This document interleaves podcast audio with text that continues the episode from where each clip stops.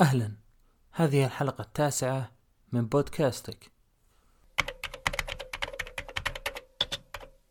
في حلقة هذا الأسبوع من بودكاستك سأتحدث عن الإنتاجية بشكل خاص. بما أننا للتو بدأنا سنة ميلادية جديدة أتمنى أن تكون سنة مليئة بالنجاح والإنجاز للجميع.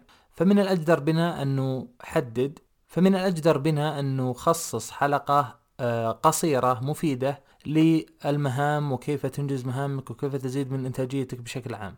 فخلال هذه الحلقة سأتناول ثلاث محاور أساسية. المحور الأول تقسيم المهام بشكل عام وما هي الطرق والأدوات المناسبة لتقسيم وتدوين المهام. المحور الثاني سرعة الأداء وكيف تزيد من إنتاجيتك وسرعة أدائك للمهام. المحور الثالث والأخير مصادر مساعدة مختصة في النقطة الأولى والثانية. نذهب للمحور الأول وهو تقسيم المهام جميعنا يعرف أن هناك العديد من التطبيقات والبرامج سواء على الهاتف أو حتى على الكمبيوتر أو اللوحي أو حتى دفاتر للتدوين أو لكتابة القوائم آه، الخاصة بالمهام. جميعها تعتبر أدوات مناسبة وقد يفضل بعضنا بعضها على الآخر. ولكن شخصيا بعد بحث وتجربة موسعة في هذا المجال وجدت طريقة معينة تسمى Eisenhower Matrix أو مصفوفة إيزنهاور. ما هي مصفوفة إيزنهاور؟ هي عبارة عن أربع مربعات كل مربع تضع فيه مهامك اليومية من نوع معين فالمربع الأول يكون للمهام العاجلة والمهمة. المربع الثاني يكون للمهام الغير عاجلة ولكنها مهمة. المربع الثالث للمهام الغير مهمة ولكنها عاجلة والمربع الرابع والأخير للمهام الغير مهمة وغير عاجلة. فتضع وتقسم مهامك اليومية خلال المربعات الأربع. ثم تبدأ بالمربع الأول. إذا انتهيت من المهام اللي فيه تذهب للثاني. إذا انتهيت من المهام اللي فيه تذهب للثالث. وهكذا إلى أن تنتهي من كل المربعات الموجودة لديك. وبكذا يكون عندك تقسيم حسب الأهمية. من الأهم إلى الأقل أهمية ومن العاجل إلى الأقل عجلة. فبالتالي تنهي مهامك بشكل ممتاز ورائع. سأضع لكم رابط آه، جميع ما سأذكر في هذه الحلقة في المصادر في الأسفل. ننتقل إلى سرعة الأداء وسرعة أداء المهام تعتمد على الشخص على مهاراته على آه، علمه آه، على تطوير بعض الجوانب في عاداته اليومية. ولكن سأذكر لكم عدة أمور من المهم جدا اعتبارها كمصدر أساسي لتحديد سرعة الإنتاجية من عدمها. فمن الأشياء التي تساعد على سرعة أداء المهام هي سرعة كتابتك على ال keyboard أو على لوحة المفاتيح. وأعني ال keyboard الحقيقي اللي في الكمبيوتر أو اللابتوب. لا أعني في الهاتف فأغلبنا سريع في كتابة الهاتف من ناحية ال keyboard اللمس. ولكن أعني ال keyboard آه، الذي في الكمبيوتر أو اللابتوب حيث آه، غالبا تحتاج لكتابة بعض المقالات أو البحث أو ما إلى ذلك. فتطوير هذا الجانب مهم جدا وسأذكر في المصادر المساعدة بإذن الله بعض الأمور عن هذا النقطة. آه الأمر الثاني هو استخدام الخدمات السحابية التي توفر لك الوقت والجهد. قد تنقذك أحيانا في توفير بعض المستندات أو الصور أو المصادر التي تحتاجه وبذكر لكم أمثلة لاحقا. الأمر الثالث هو اختصارات لوحة المفاتيح. في الهاتف هناك برامج أو بعض الهواتف التي توفر آه ميزة الاختصارات آه من أصل الجهاز وهي سهلة. ولكن أعني باختصارات لوحة المفاتيح آه، لوحة المفاتيح الموجودة على الحاسب أو الكمبيوتر المحمول حيث أنه باستخدام هذه الاختصارات تستطيع توفير الكثير من الوقت والجهد بدلا من استخدام الماوس أو الفأرة. آه، ستلاحظ بعد يعني استخدامك للاختصارات هذه توفير الكثير الكثير من الجهد والوقت إذا كنت من المستخدمين المحترفين للكيبورد أو لوحة المفاتيح. وسأذكر لكم أيضا آه، اختصارات لاحقا. آه، النقطة الرابعة في آه، سرعة الأداء. هي استخدام التطبيقات الخاصة بتسجيل الملاحظات بشكل كبير جدا لأن تسجيل الملاحظات أو تسجيل المهام أو غيرها من الأشياء وإنك تسجل الأشياء كتابيا في هاتفك أو في الجهاز اللي تستخدمه غالبا أمر سيوفر عليك الكثير من الجهد وسيوفر عليك نسيان بعض الأمور فتسجيل هذه الأمور في برامج معينة مهم جدا جدا. النقطة الخامسة هي عمل سينك أو مزامنة بين البرامج الموجودة على هاتفك والبرامج الموجودة على الكمبيوتر أو الأجهزة الأخرى التي تستخدم بحيث أنك ما تحتاج إلى نقل المعلومات كل مرة أردت استخدام جهاز والعودة إلى جهاز آخر. الأمر السادس هو عدم تضييع الوقت في آه، تفحص الإيميل أو الواتساب دائما فهناك آه، نظرية تقول إن بدل ما إنك تتفحص مثلا الإيميل كل ساعتين أو كل ثلاث أو كل يوم آه، مرة مثلا عشر دقائق وعشر دقائق وعشر دقائق وعشر دقائق أو الواتساب مثلا عشر دقائق وعشر دقائق. اجمع هذه ال ال ال اجمع هذه الأوقات في آه، زمن واحد وقم بفحص أو الذهاب إلى هذا التطبيق مثل الإيميل أو الواتساب. واسرح فيه كما تشاء ثم أكمل مهامك ولكن إنك تذهب بشكل مكرر هذا يضيع الكثير من الوقت آه، عليك فمن الأفضل إنك تجمع مهام الشيء الواحد مرة واحدة وتنجزه وتنتهي منه. آه، النقطة السابعة هو آه، أخيرا استخدام تقنية البومودورا. البومودورا هي تقنية لتصنيف الوقت أو لتقسيم الوقت بحيث أنك تنجز المهمة ثم تأخذ قسط من الراحة ثم تنجز مهمة أخرى وهكذا. تعتمد على تقسيم الوقت 25 دقيقة من الإنجاز ثم 5 دقائق من الراحة ثم 25 دقيقة من الإنجاز ثم 5 دقائق من الراحة ثم 25 دقيقة ثم 20 دقيقة من الراحة وهكذا. إلى أن تنجز جميع المهام. طبعا هناك أيضا أمور أو مصادر سأذكرها بخصوص هذه الطريقة من آه، تقسيم الوقت. بكذا تقريبا نكون انتهينا آه، من نقاط سرعة الأداء وننتقل إلى المصادر المساعدة على تنفيذ الأمر الأول والثاني اللي هو تقسيم المهام وسرعة الأداء. طبعا من المصادر سأضع لكم صورة لمصفوفة آه، إيزنهاور اللي فيها الأربع مربعات موجودة في المصادر. أيضا سأضع لكم مواقع فيها آه، تدريب لزيادة سرعة الكتابة على ال keyboard سواء بالعربي أو بالإنجليزي. آه، أيضا آه، من الخدمات السحابية اللي أنصح فيها شخصيا وأشوفها من أفضل الخدمات السحابية Google Drive. إذا كان إذا كان جهازك Android بيعطيك 15 جيجا بايت مجانا وإذا كان مثلا iPhone 5 جيجا مجانا. فتستطيع أيضا برسوم زيادة هذه المساحة إلى 1 تيرا 2 تيرا حسب ما ترغب. تستطيع أيضا باستخدام Google Drive. إنك تسوي مزامنه على المستندات الموجودة على الكمبيوتر أو حتى آه، أخذ آه، scan لملفات عن طريق Google Drive بدون برامج أخرى. من الأشياء المهمة اللي سأضعها أيضا في المصادر هي اختصارات ال keyboard سأضع لكم موقع مايكروسوفت الرسمي.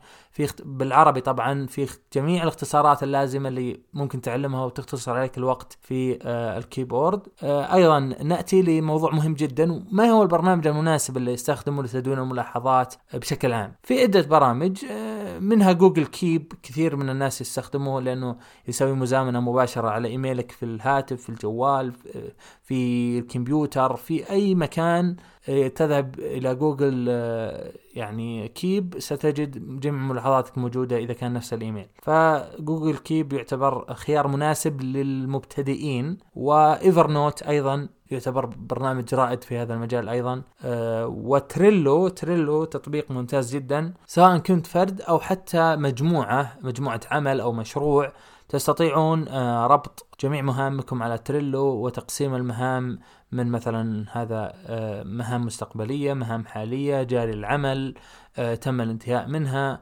ويعني تدعم الكثير الكثير من الصيغ اللي ممكن تضيف صور أو مستندات أو غيره وتسوي sync أو ممكن تضيف group عمل كامل بحيث إن كل إنسان يعدل على الأشياء الخاصة فيه. تريلو تطبيق ممتاز جدا. من التطبيقات أيضا هو تطبيق نوشن وتطبيق نوشن يعتبر يعني آه، بالنسبة لي شخصيا آه، من أفضل التطبيقات الموجودة لتسجيل الملاحظات بشكل عام يعني وأداء المهام بشكل خاص. آه، لأنه يقدم لك حزمة كبيرة جدا من التصنيفات والقوالب ويعني عالم آخر نوشن برنامج باللغة الإنجليزية ولكنه جدا جدا جميل. تستطيع البحث في اليوتيوب عن شروحات آه، لطريقة الاستفادة منه بشكل أكبر. موجود على الأندرويد موجود على الآيفون موجود على الكمبيوتر. تطبيق رائع جدا ولكن يحتاج أن تتعلم عليه خطوة بخطوة لتستفيد من مزاياه. في تطبيق بوكيت إذا كنت من القراء أو اللي يقرون مقالات سواء بالعربي أو بالإنجليزي كثيرا. فأنصحك بتطبيق بوكيت تسوي له آه، أي مقال ممكن تصفح المتصفح. تسوي له share أو مشاركة على بوكيت ويحفظ لك إياه offline في حاله في حالة إنك مثلا آه، ترغب في قراءته في على الطائرة أو في أي مكان ما عندك إنترنت. فتطبيق بوكيت يعتبر جدا جدا ممتاز لحفظ المقالات بشكل يعني منقطع النظير ياخذ لك المقال كامل بالصور بالروابط بكل شيء. فيعني جدا جدا رائع بوكيت وموجود أيضا على الكمبيوتر.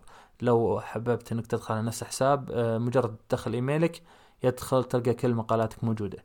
فيه موقع آخر اسمه ريد وايز ليس له تطبيق حتى الآن ولكنه رائع جدا للقراء اللي يقرا على بوكيت أو يقرأ على انستا بيبر تطبيق مشابه مشابه للبوكيت أو يقرأ على امازون كيندل أو iBook اللي عنده ماك يقرأ على ال iBook أيضا يعمل على ريد وايز ريد وايز في مزايا كثير جدا الموقع منها ما هو مجاني ومنها ما هو مدفوع ولكن سأتحدث لكم عن ميزة آه، مجانية ممتازة وهي إنه في حالة إنك حددت highlight أو استخدمت المحدد في مثلا أن تقرأ على التابلت أو على الهاتف وحددت بعض الجمل في المقال اللي تقرأه مجرد عمل مزامنة بين بوكيت وريد وايز سيتمكن. ريد وايز من آه، من إرسال emailات يومية إذا أردت أو كل يومين أو حسب ما تريد يعني بضبط معين منك. آه، emailات فيها ال highlight أو فيها التحديدات هذه اللي اللي عجبتك واللي حددتها في المقالات بحيث إنك ما ترجع للمقال نفسه ولا ترجع للتحديدات. إنما يجيك إيميلات يومية فيها التحديدات هذه للتذكير بالمعلومات اللي أنت أردت. الاحتفاظ بها أو حرصت عليها بشكل عام. أخيرا آه، سأضع لكم موقع وسأضع لكم تطبيق آه، لتقنية البومودورا آه، أو بومودورو ما أدري أحيانا الناس يسمونه بومودورا واحيانا يسمونه بومودورو. عموما هو تايمر أو هو مؤقت مثل ما قلت لكم 25 دقيقة 5 دقائق وهكذا. فموجود له تطبيقات كثيرة ومواقع. أخيرا وليس اخرا اللي منكم ما يحب القراءة ويريد يستفيد من وقته أنصحكم بالبودكاست بشكل عام. سواء كنت محبي التقنية محبي القراءة محبي الأفلام محبي أي مجال تريد يوجد بودكاست غالبا آه، يعني في مجال اللي ترغب فيه. سواء كنت آه، بالعربي ستجد بإذن الله كثير من البودكاست آه، بودكاستات العربية اللي يعني متنوعة المصادر ومتنوعة الأذواق. وإذا كنت أيضا معك لغة إنجليزية هذا الأمر سيكون أسهل وأسهل لأن عدد البودكاست البودكاستات باللغة الإنجليزية أكبر بكثير أضعاف مضاعفة عن اللغة العربية. فايضا تستطيع استماع والاستفادة مثلا كنت في السيارة أو عند النوم أو في أي وقت تريد. هذا كان كل شيء معنا اليوم. أتمنى أني ما طولت عليكم. أي سؤال أو استفسار أو أي نصيحة أو معلومة ما كنت أعرفها أرجو أنكم ترسلون على تويتر على الايميل على أي منصة تريدون وشاكر ومقدر آه، لكم استماعكم ننتقل لأخبار التقنية لهذا الأسبوع. أخبار التقنية لهذا الأسبوع. الخبر الأول معنا هو عن موقع جي إس إم أرينا اللي هذا الموقع هو موقع خاص بالهواتف وبالأجهزة اللوحية والكمبيوترات والأخبار التقنية بشكل عام. آه، أجرى تصويت سنوي لأفضل الهواتف آه، خلال سنة 2019 وأعطى النتيجه آه، والتصويت أعطى نتيجة إلى ثلاث فئات الفئة العليا والفئة المتوسطة والفئة المنخفضة. الفئة العليا فاز فيها جالكسي نوت 10 بلس من سامسونج وكان المركز الثاني للفئة العليا الون بلس 7 تي برو من ون بلس أما الفئة المتوسطة ذهبت الجائزة إلى الشاومي ريدمي نوت 8 برو أما المركز الثاني للفئة المتوسطة فكانت للسامسونج جالكسي A70 أو A70 أما الفئة المنخفضة فذهب المركز الأول. الفائز فيها إلى السامسونج جالكسي M20 والمركز الثاني للفئة المنخفضة ذهب إلى الهواوي Y9 برايم آه، لعام 2019 فهذا كان تصنيف جي إس إم آه، أو التصويت اللي أجراه موقع جي إس إم لهواتف سنة 2019 الخبر الثاني معنا حسب DxOMark هو موقع لتصنيف الكاميرات بشكل عام وتصنيف كاميرات الهواتف. أيضا آه، حصل هاتف ميت 30 برو من هواوي. نسخة ال 5 G على درجة أعلى من نسخة ال 4 G حيث حصلت نسخة ال 5 G على 123 في تقييم الكاميرا الخلفية وحصلت نسخة ال 4 G على 121 في فرق بسيط ولكن أنا مستغرب من الفرق لأن المعالج واحد وأغلب القطع الداخلية واحدة. الفرق يمكن آه، قطعة ال 5 G modem ال 5 G بدل مودم ال 4 G يعني المعالج ليس سناب دراجون 855 مثلا وهناك كيرين 990 لا المعالج واحد كلهم معالجات هواوي. الفرق هو في المودم فما أدري ليش الكاميرا اختلفت لكن ممكن يكون في سبب آخر لقطع مختلفة مثلا ما ندري عنها. آه، حتى الآن ما عندي أي دليل أو يعني إجابة واضحة لهذا التساؤل. الخبر الثالث معنا هو عن واتساب اللي ما زال يستخدم ويندوز فون نظام ويندوز فون للهواتف. آه، الواتساب خلاص آه، بداية سنة 2020 أقفل التطبيق نهائيا. حتى لو كنت محمل التطبيق على ويندوز فون لن تستطيع الدخول لواتساب ولن تستطيع استخدام تطبيق واتساب على نظام ويندوز فون.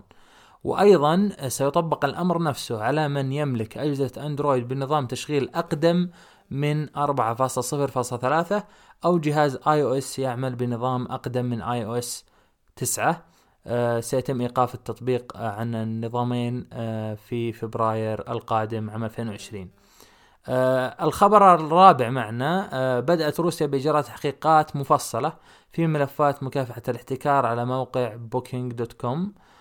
طبعا روسيا الصين أمريكا كثير من الأمور هذه في الفترة الأخيرة خصوصا صار فيها حرب شاملة على التطبيقات التطبيقات الأمريكية تحارب الصينية والحكومة الأمريكية تحارب الصين والصين تحارب أمريكا وروسيا في الوسط. فما عندي أي معلومة عن بوكينج بالذات لكن يعني نرى ونشوف خاصة مشكلة هواوي مع أمريكا مشكلة عويصة حتى لما انحلت.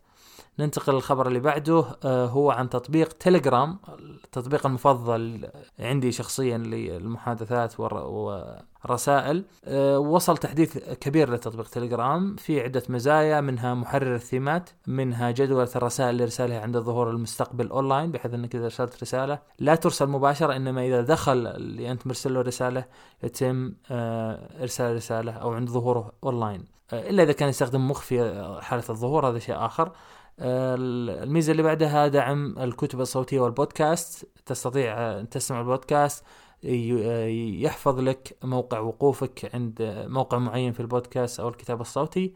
الميزة اللي بعدها دعم الثيم الليلي ال night mode. الأخيرة تحديد جزء من المحادثة لنسخه ولصقه. بدل ما أنك ترسل رسالة واحدة فقط تقدر تحدد جزء كامل من المحادثة وترسله. الخبر قبل الأخير معنا هو خبر مهم جدا لملاك Galaxy Note 9 وصول النسخة المستقرة من تحديث اندرويد 10 لهواتف Galaxy Note 9 في كل من الهند وبريطانيا. وأيضا آه، سمعت آه، بالأمس إنه وصل لعدة دول أخرى في أوروبا. فالتحديث قريب آه، وبإذن الله يصل قريبا إلى الخليج. الخبر الأخير معنا ستكشف شركة Klipsch الأمريكية للصوتيات أخيرا النقاب عن سماعتها اللاسلكية المانعة للضجيج في مؤتمر CES 2020 بعد أيام آه، والسعر المتوقع 400 دولار. طبعا هذه السماعة من شركة أمريكية عريقة شركة مؤسسة في منتصف القرن العشرين اللي هو 1940 أو 50 وشركة عريقة جدا في أمريكا بمجال الصوتيات وبتعلن عن سماعة لاسلكية مانعة للضجيج بتكون منافسة للسوني اللي هي M3 الأخيرة ومنافسة لل Bose QC أو ال Bose 700 الأخيرة Bose 700 والسوني هذه. ولكن سعرها سيكون 400 آه، دولار. ننتظر ونشوف مؤتمر CES بيكشف لنا الكثير والكثير من الأخبار. هذه كانت نهاية آه، أخبار التقنية لهذا الأسبوع. أتمنى أنكم استمتعتوا واستفدتم من الحلقة. آه، جميع المصادر وجميع طرق التواصل موجودة في الأسفل. نلتقيكم الأسبوع القادم. والسلام عليكم ورحمة الله وبركاته.